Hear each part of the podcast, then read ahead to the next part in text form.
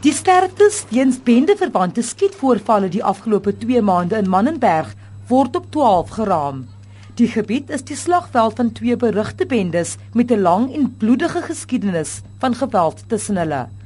Kriminoloog soos Aldre de Klerk sê die stryd vir beheer oor die winsgewende dwelmhandel is steeds die wortel van die kwaad. Wat ons sien is wel baie van die soortgelyke dinge wat ons oor die eeue gesien het. Maar wat is verskillend vandag?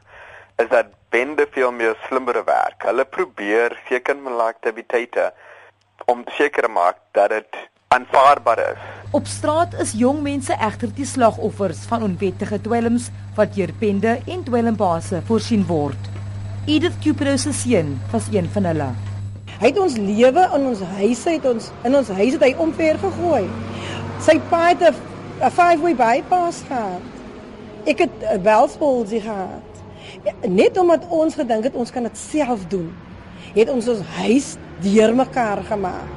En toe ek my seun begrawe die dag, het ek my man, my pastoor en ek, my familie het gesê nooit weer gaan ons sien dat 'n nog 'n kind dit moet deurmaak nie. Ellen Pakkies, die Lavender Hill ma wat haar tikverslaafde seun na jare se mishandeling in 2007 vermoor het, sê mense steek hul kinders se dwelmafhanklikheid weg omdat hulle bang is vir die stigma wat daaraan kleef van mense kyk neer op mekaar. Dis hoekom mense nie wil sê wat in hulle lewe gebeur nie, vir alles hulle kinders het met dwelms nie. Want dan sê ons ja, die vrou en daai vrou se kind hier en daai, ons is nie daar wat ons mekaar ophelp nie, maar ons kritiseer mekaar. En dit is wat moet visie, jy weet. Dit is die belangrike ding dat ons as gemeenskap by mekaar moet staan. Die week het die nasionale polisiekommissaris Ria Pejega presies dieselfde versoek aan gemeenskappe gerig. We live with gangsterism in our houses in our neighborhoods. And it is when we work together that we can squeeze gangsterism out of the South African society. Haar provinsiale eweknie Arno Lamour sê die Wes-Kaap het 'n strategie wat werk.